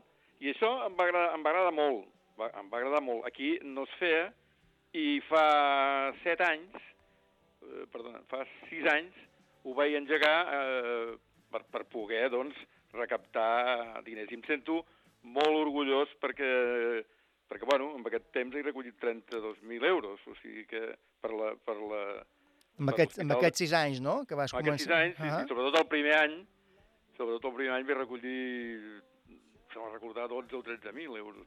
Mhm. I és, són per la, com us deia, per la, per la investigació que fa l'Hospital de Sant Joan de Déu de Barcelona. I Eh. aquest famós llibre del que estem parlant, també els drets d'autor van a parar eh, a l'hospital també. Mm. Escolta, Miquel, quan un arriba ja a córrer amb 82 anys, eh, aquella fase marquitis de la qual en parla també en Arcadi Libés en un altre llibre, Corre, corre per ser feliç, ja queda completament aparcada i se fixa en altres, en altres reptes, o si es pot fer en 4 hores millor que en 5? Ja, va, és obvi que si es pot fer en 4 hores millor que en 5, segur, però, però cada vegada vas perdent... va- Vaja, és que és evident, clar, la, la, la, la, la, la velocitat la vas perdent i llavors no pots pensar en anar batent eh, marques que, que, que hagis pogut fer. Jo he de dir, de totes maneres, que jo no he sigut mai cap corredor de, de qualitat, eh? He sigut un, un corredor molt vulgar, però m'agrada córrer, i sobretot maratons, i m'agrada córrer, sobretot maratons, no? En Marc Cornet encara, la fase Marquitis encara no l'ha superada, perquè eh, eh, ell, eh, ell encara hi és, Marc. Sí, perquè... No, és, no, és, no és veritat. O sigui, una cosa és que per edat pugui fer marques i l'altra que m'hi preocupi gaire, eh? En Miquel ho, ho sap bé, això. A veure, he de dir també que a mi el confinament m'ha anat bé perquè he pogut agafar unes pautes de vida més regulars, he perdut uns quilets, quan la majoria de la gent els ha guanyat, però jo estic totalment d'acord amb l'Arcadi que la fase de marquitis tots tard o d'hora l'hem tinguda, però amb el pas dels anys i a mesura que va sumant cada vegada més quilòmetres, jo crec que eh, també ho deia, ho llegia l'altre dia el, el Kilian Jornet, no? que, que ell prefereix o valora més el, les vivències, les experiències que el currículum. No? És a dir, la marquitis no deixa de ser el currículum que tu tinguis mm -hmm. a nivell personal, cadascú amb les seves limitacions, amb la seva edat i amb els seus temps, i les vivències, les experiències, allò que tu acabes sumant. No? I jo crec que les vivències i les experiències són molt més intenses quan tu et despreocupes de mirar el crono, almenys en el meu cas. Per això sí. també ha fet que els darrers anys m'hagi volcat més en la muntanya, perquè eh, en el cas de la muntanya diguem que el crono importa menys. També és veritat dient el que estava comentant ara, ara mateix el Miquel, que ell va tenir la fase de marquitis, però que jo aquí m'agradaria llançar una, una, una defensa, sobretot, d'un element que ell reclama els darrers anys i que per ara no ha tingut gaire èxit, i és que, per exemple, les maratons nord-americanes donen més de 7, 7 hores i mitja per poder acabar, i ell, per exemple, en el cas de la Marató de Barcelona, els últims anys s'ha reduït a 6 hores. Amb l'edat que ell té, cada vegada li costa més poder entrar dins aquest temps, si és que hi entra, i no costaria res, jo crec, perllongar una mica més aquestes 6 hores, deixar-les en 7, 7 i mitja, com, no sé, fan maratons com Chicago, o per exemple fins i tot Nova York, que crec que són 11 hores, per tal que gent com en Miquel doncs, no hagin de fer vida i miracles eh, corrent sota la seva responsabilitat quan pràcticament el circuit ja s'ha obert al, al trànsit. No? I, clar, Home, està està molt bé la reivindicació, Marc, perquè, perquè per, per altra banda, he de dir que jo crec que la manera de poder tenir més inscrits seria precisament donar més, donar més temps, donar més, ma donar més marge d'arribades, donar clar. més marge d'arribada, eh? però en fi, eh, Clar, i, i, de- fins al punt que, que no puc entrar en 6 hores i havia decidit que aquesta del 2020 fos l'última marató que, cor- que corregués perquè, eh, tot i que t'esperen, perquè alguna vegada les últimes he acabat amb 6 hores i 18 minuts l'última, l'any 18 concretament, però no tinc ganes que m'esperin, allà m'agradaria poder estar dins de les 6 hores. Mica- Respecte a de la marquitis que dèiem abans, però sé una, una cosa que m'agradaria dir, eh? M'agradaria dir. És cert que ja no tinc la marquitis, però també és cert que jo vaig tenir la, la, la, la mala sort de fa set anys caure per una escala i, i, i lesionar-me un genoll mm, bastant seriosament. Eh? I, I vaig estar cinc o sis mesos sense fer res. I després d'aquest d'aquest, eh, eh, ensurt, pues, les, les curses que anava fent les feia amb molt més temps que no pas abans de la lesió. Bé, llavors, cada any, cada any tenia la, la, la, la idea de poder anar millorant el temps que feia respecte a l'any anterior. Eh? I, i, I ho anava aconseguint, a la millor un segon, no dos segons. I això també afegia... clar, això era un al·licient, una motivació. Eh, Exacte, clar, afegia motivació, sí, sí. El- el- I parlo d'abans de la, de la, abans de la pandèmia, abans del, de, de, del, del Covid, eh? O sigui, Mhm. eh, I això, clar, no és marquitis pura, com diu l'Arcadi, No, però, també clar, ja no, has, passar, has fet de... Clar, la intenció, has fet d'intentar mm, superar-se un mateix, hi és sempre, evidentment. Això, això sempre hi és. Miquel Pucurull, autor del llibre Mai no és tard, eh, corredor de fons, maratonià, home inquiet, sobretot inquiet i tot un referent de les curses populars, 82 anys, en fa 42 que va començar a córrer, suma 46 maratons, per cert, molt d'anys, perquè va ser els 82 crec que la setmana passada, Sí, i eh, ets tot un incombustible, ja saps quina és la prope- la propera marató, o no la tens clara? Sí, sí, la tinc claríssima. Serà la de Barcelona del 2021. Confiem que es pugui fer. Confiem Esperem. que sí. Esperem que sí. Esperem que Esperem que sí. Miquel, Miquel Pucurull, molt d'anys i, i moltes gràcies per haver estat eh, avui aquí i haver compartit aquests minuts amb nosaltres, a fent quilòmetres. Moltíssimes gràcies a vosaltres. Moltes gràcies, Una abraçada molt forta en el Marc. el Igualment, que- Miquel. Sí, sí, sí, el que estimo moltíssim. Jo també, Miquel, ja una, saps. una abraçada molt gran, Miquel. Molt bé, moltes gràcies. Gràcies. Cuida't molt. Marc, i, Recorda la felicitat. Marc, eh, D'acord, Sí. per cert, Marc, en tu, en tu mos veiem dimecres. Ah, ens veiem dimecres, Seràs sí. per Mallorca, Em fa, em fa si, si, moltes si, ganes, si eh? no hi ha res de nou. Si no hi ha res de nou, perquè, escolta, amb això del Covid, eh, fer Confiem. previsions eh, més enllà de 24 hores Sí. gairebé és un perill. Marc Cornet, que serà, serà aquí perquè serà l'encarregat de presentar el llibre que han fet aquí a Feint Quilòmetres, converses per sortir a córrer. T'esperam t'esperam dimecres, Marc, i xerram Serà un plaer, ja ho tranquil·lament. saps, Joan. Una ferrada ben forta, Una eh? abraçada a tots dos, a Miquel i a, i a Salut, Marc. Salut, quilòmetres. salut. Vagi bé. Vagi bé, salut Adéu. de quilòmetres. Fem una petita aturada per la publicitat i tornem amb Carlos Sunyer, que ens proposa avui córrer amb un ritme musical molt marcat. I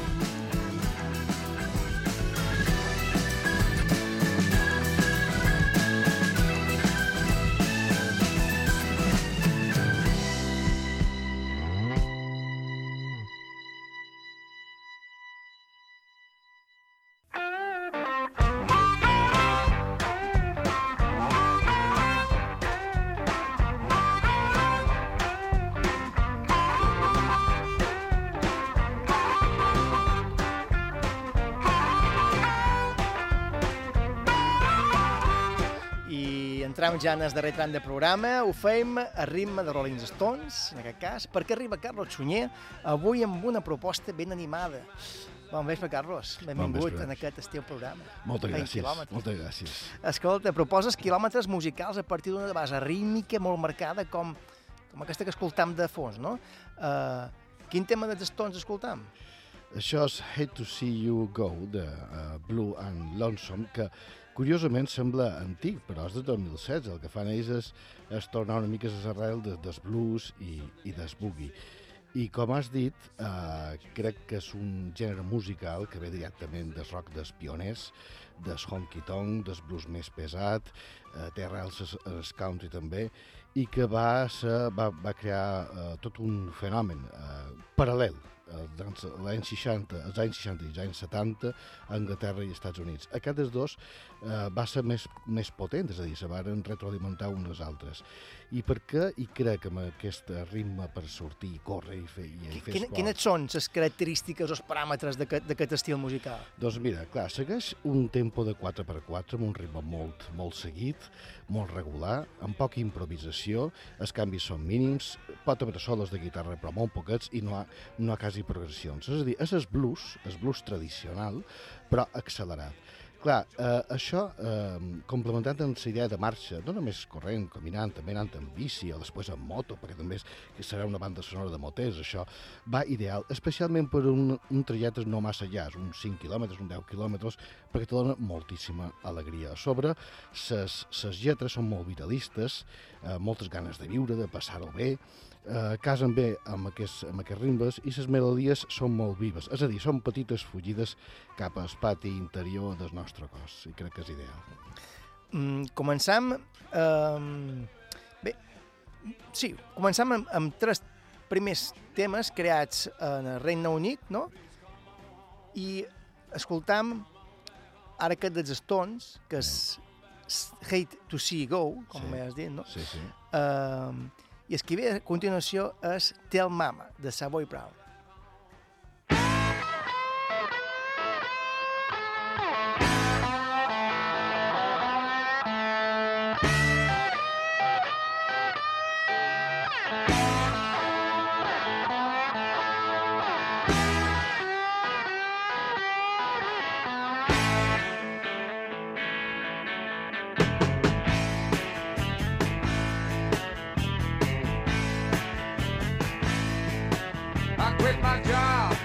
Dic que començam amb aquest tema de creat al Regne Unit perquè fas una distinció entre temes creats en el Regne Unit, Anglaterra, i temes creats a Estats Units. Per què?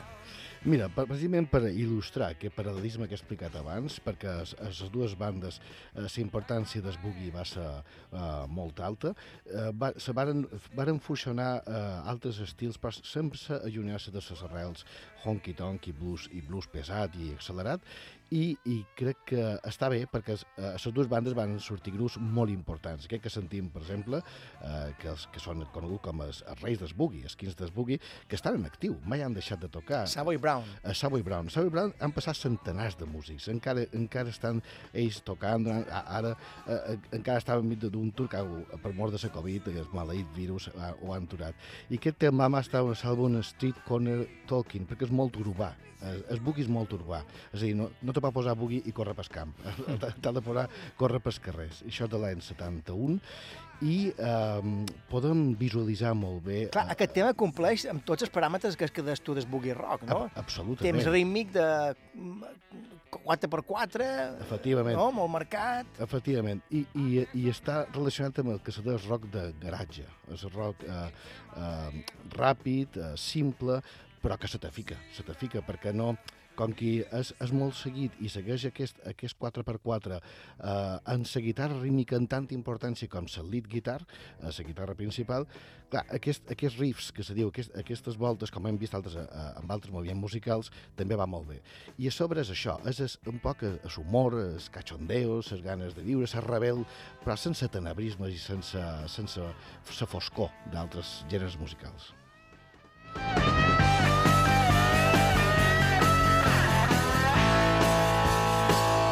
Canviam de tema, deixam Tel Mama i escoltam ara Slow Ride.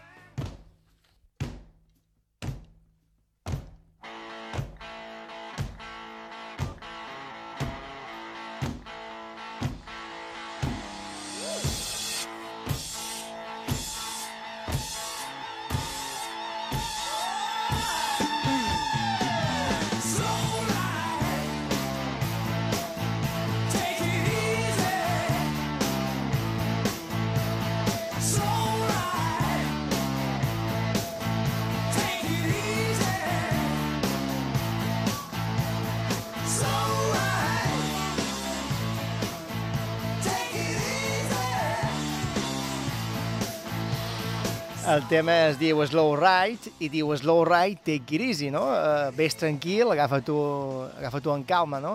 Uh, però de calmant no en té res, aquest tema. Mm, són temes que motiven i conviden, com bé deies tu, a l'autosugestió, a la llibertat, a la rebel, a rebel, a rebel·lia.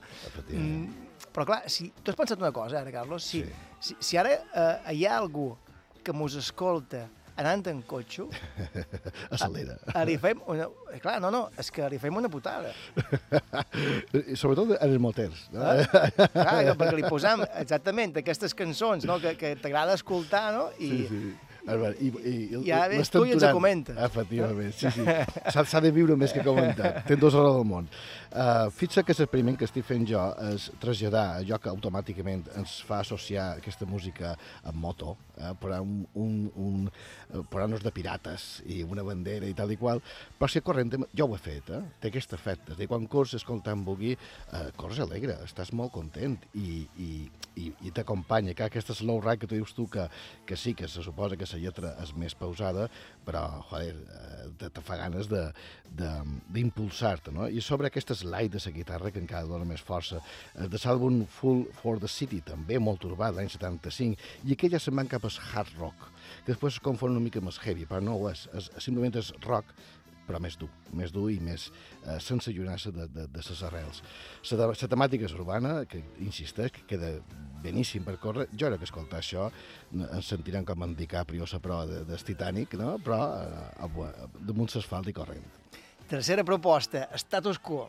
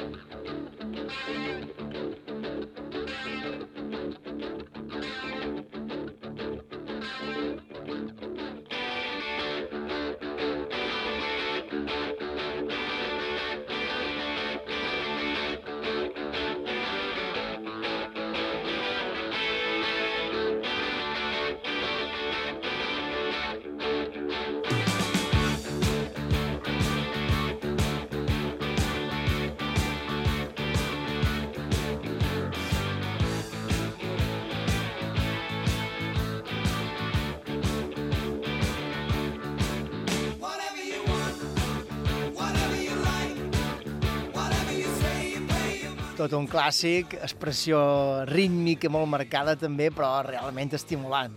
Molt estimulant. Clar, aquí tenim ja els reis boogie britànic, que és aquesta va ser ja la culminació, amb aquest Whatever You Want, del de, disc homònim de l'any 79, i, eh, clar, eh, eh, el senzill, que, el senzill que, varen, que varen llançar va ser tot un èxit, però, clar, tota la carrera de Status Quo és boogie. De fet, quan se varen fer fora del boogie, eh, no, varen ser un ombre del, del que havien estat i varen tornar en el boogie i a, s- i sa- i a sa, sa fase seminal de, del rock, però eh, eh, traduït amb aquest llenguatge de riffs eh, tan, tan accelerats i tan, i tan enèrgics.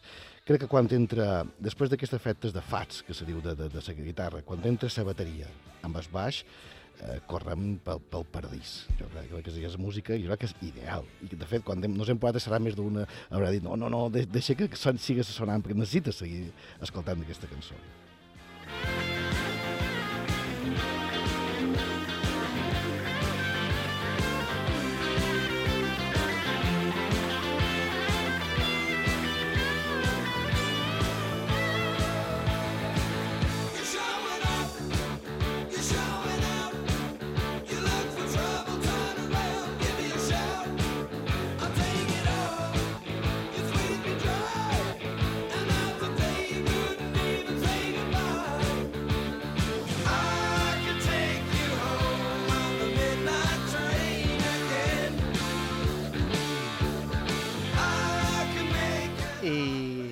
I d'Anglaterra fem un vot fin dels Estats Units. On the road again, can it hit?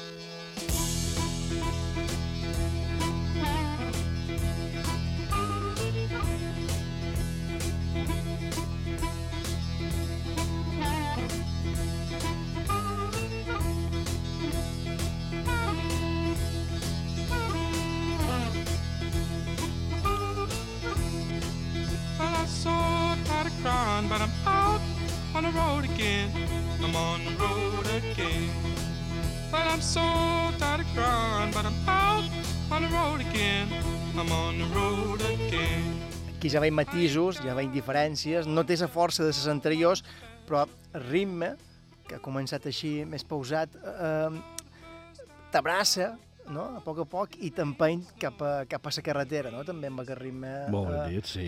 sí. compasat i de voltes te- t'empeny a fer quilòmetres. No? Sí, i a sobre amb, una, amb, amb dolçor. Amb I, dolçor. clar, I més recorden el rotllo aquest de...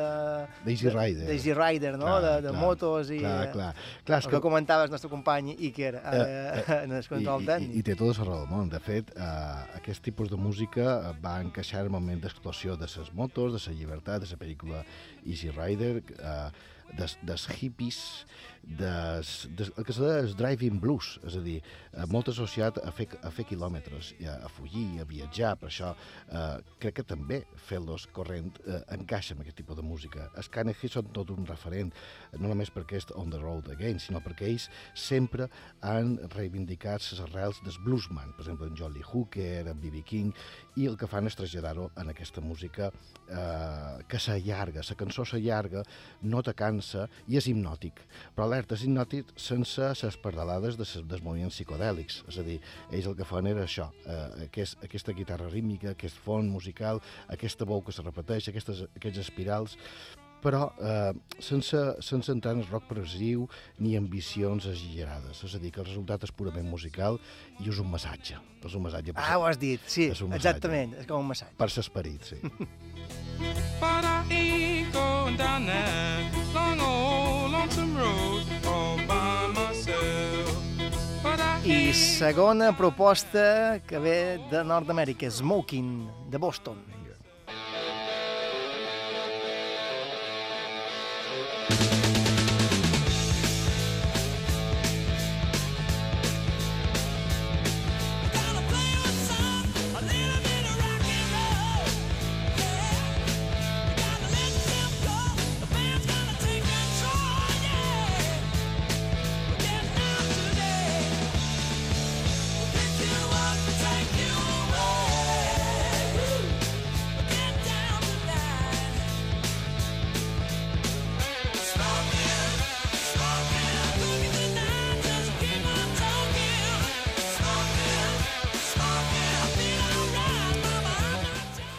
Boston o en els seus orígens Mother's Milk, també he llegit, no? Es Sí, deien? sí, sí, sí. Mother's Milk. Sí. Mm, Van fer un poc de tot i, i van saber experimentar dins el rock amb diferents subestils i, i matisos. Eh? Sí.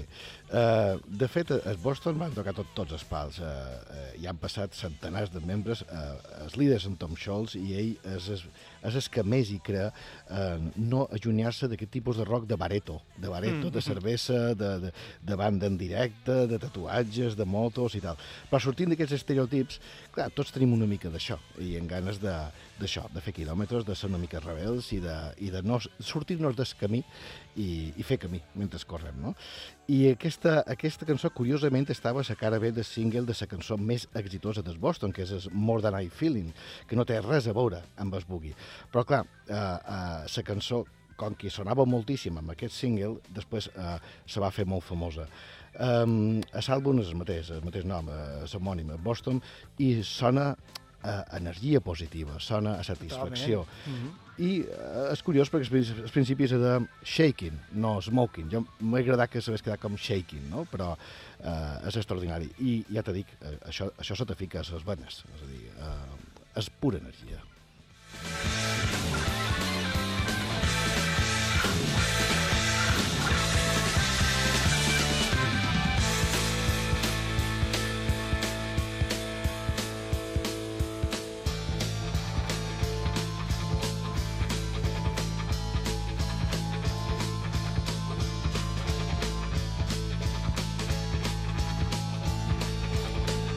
Això és Smoking, de Boston, i arribem ara a una banda que podia representar també el boogie rock també en estat pur, sí. ZZ Top.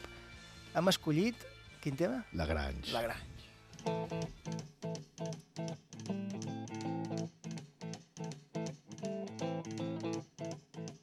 Rumors spreading round in that Texas town about the shack outside the game. And you know what I'm talking about. Just let me know if you wanna go to that home out on the range. They got a lot of nice girls. Huh?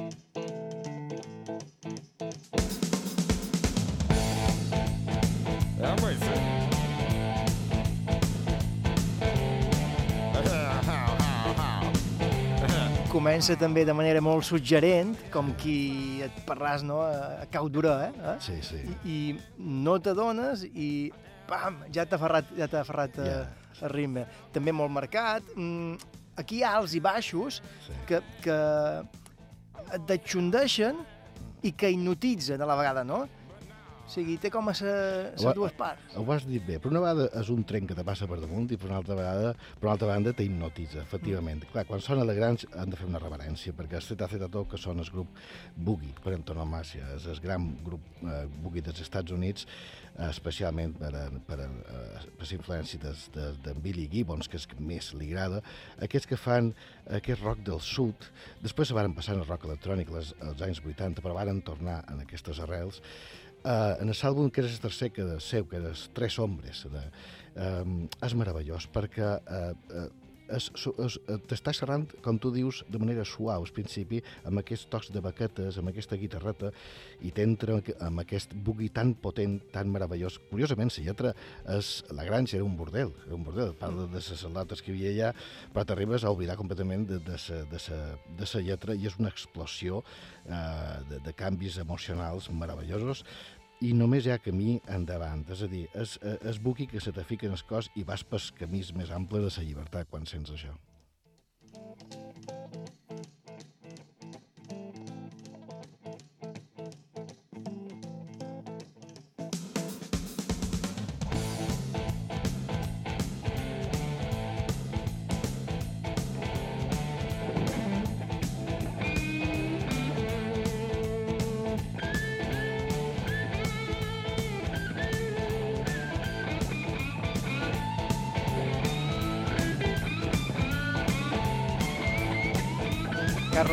Si t'assembla feim una aturada per la publicitat, Molt bé. um, fet a top, per la Grange, i tornem perquè encara, encara que queden tres o quatre temes. Encara queden, sí.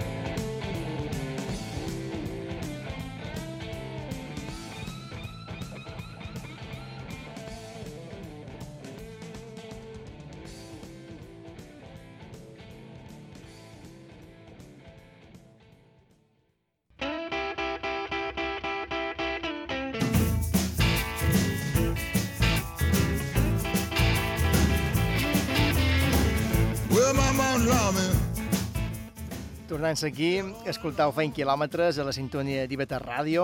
Som ja en el darrer tram de, de programa. Avui eh, acabam amb quilòmetres musicals a ritme de boogie rock. Hem, hem escoltat els Rolling Stones, Feta Feta Top, hem passat pel Status Quo, composicions musicals totes amb una base rítmica molt marcada i molt, molt uh, compassada. Sí. Uh, ideal per sortir a córrer i per, i per tirar milles.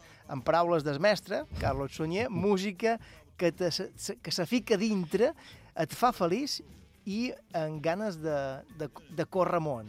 Exacte. Uh, I, Carlos, quin tema escoltam ara?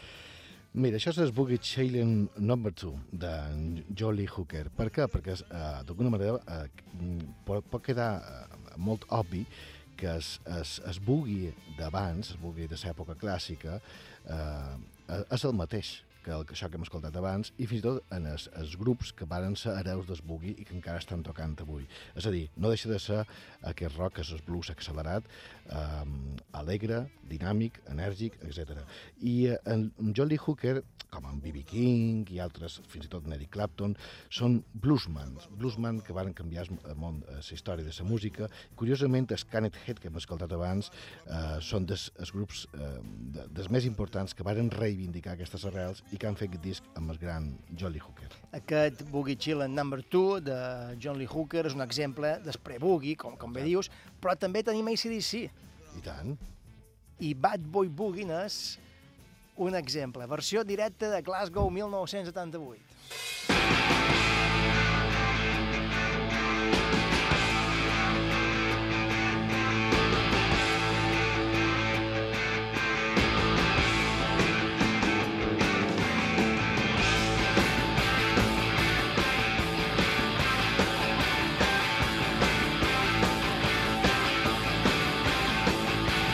Carlos Sunyer ja, ja ha començat a tocar la bateria. No puc evitar. Eh, és cert que ACDC sempre s'han mogut dins aquesta línia de ritmes repetitius, Sí. tenen l'etiqueta de heavy metal, però estan més dins el boogie dur i accelerat que no de heavy. Clar, l'ACDC és el gran exemple, fins i tot ara, el disc, el disc que acaben de publicar, el Power Up, de que no han fet mai heavy metal aquests. Aquests fan boogie. De fet, en Malcolm John i en Angus Young se van enamorar de Chuck Berry, Jerry Lewis, i eh, cançons com I'm a Rocker o, o Let There Be Rock, ells manifesten sempre això. Per això és impossible que ACDC faci una balada, o que se vestesquin de cuir negre, o que tinguin unes melodies, unes lletres tenebristes. No, to, eh, el que fan és el mateix de status quo, és a dir, alegria, eh, vitalisme, un pot de gamberros, un pot de low class, però tot amb ganes de, de, de menjar-te el món, que d'això se trata.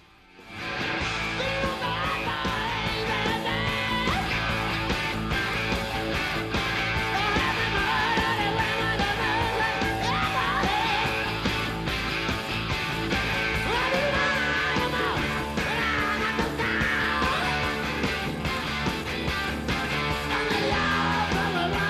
ja per tancar aquesta ruta, aquest quilometratge musical, Balears ha tingut també mm, bons representants d'aquest estil, un, un dels més reconeguts, És en Víctor Uris. Víctor Uris, I Harmònica Coixa, clar. i aquí, sense harmònica coixa, amb el tema eh, de Boogie Thing. It's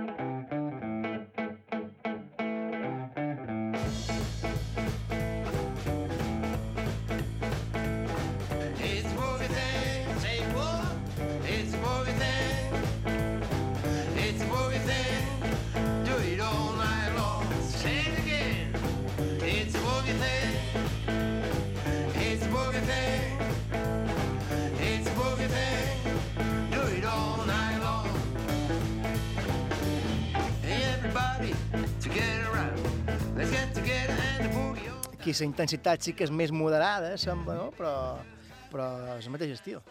I tant, es en majúscules, i en, en el disc també es diu The Boogie Thing, que el fa en col·laboració d'exmembres des, des, des Blues Devils, que també són, han, han marcat història des blues i des boogie en, a les Balears, crec que això és el millor referent que tenim.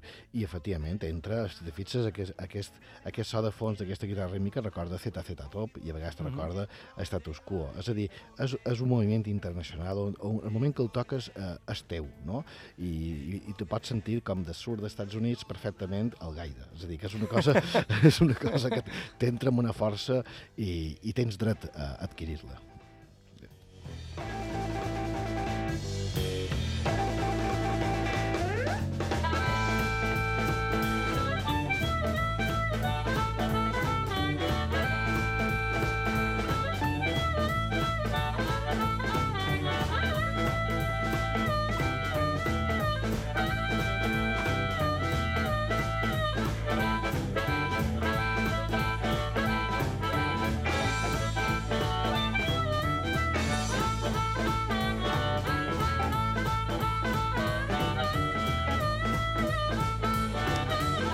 Quilòmetres musicals a ritme de boogie rock. Han començat amb els Rolling Stones, ZZ Top, han passat per Status Quo, també per eh, ACDC.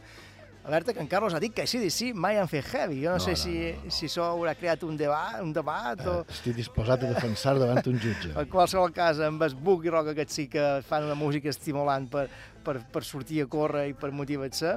O Víctor Uris, com aquesta que escoltem ara, composicions musicals amb una base rítmica molt marcada, amb un compàs de 4x4, ideal per sortir per sortir a córrer i, ti, i tirar milles. I Carlos, fins aquí el programa d'avui.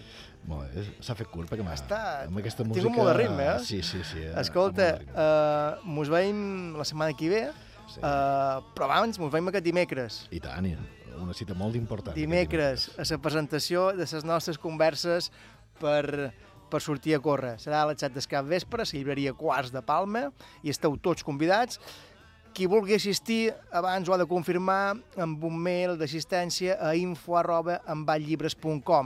Allà us diran com està l'aforament ja sabeu que han de mantenir les distàncies i que l'aforament és reduït i ara més que mai segurament amb aquest nivell 4, però si tot va bé, si no hi ha una contraordre dimecres, a la fi presentam aquestes converses, Carlos. I amb moltes ganes, eh? Podran llegir el que han dit aquí. Exactament. Uh, amics, companys, salut i quilòmetres. Tornem la setmana que ve. Bona nit. Hello, darkness, my old friend. I've come to talk with you again. Because a vision softly creeping left its seeds while I was sleeping. And the vision that was planted in my brain still remains within the sound of silence. In restless dreams I walked alone, narrow streets of cobblestone, neath the halo of a street lamp. I turned my collar to the cold and damp. When my eyes were stared by the flash of a neon light that split the night and touched the sound of silence. And in the naked light I saw 10,000 people, maybe more. People talking without speaking. People hearing without listening. People writing songs that voices never share. No one did.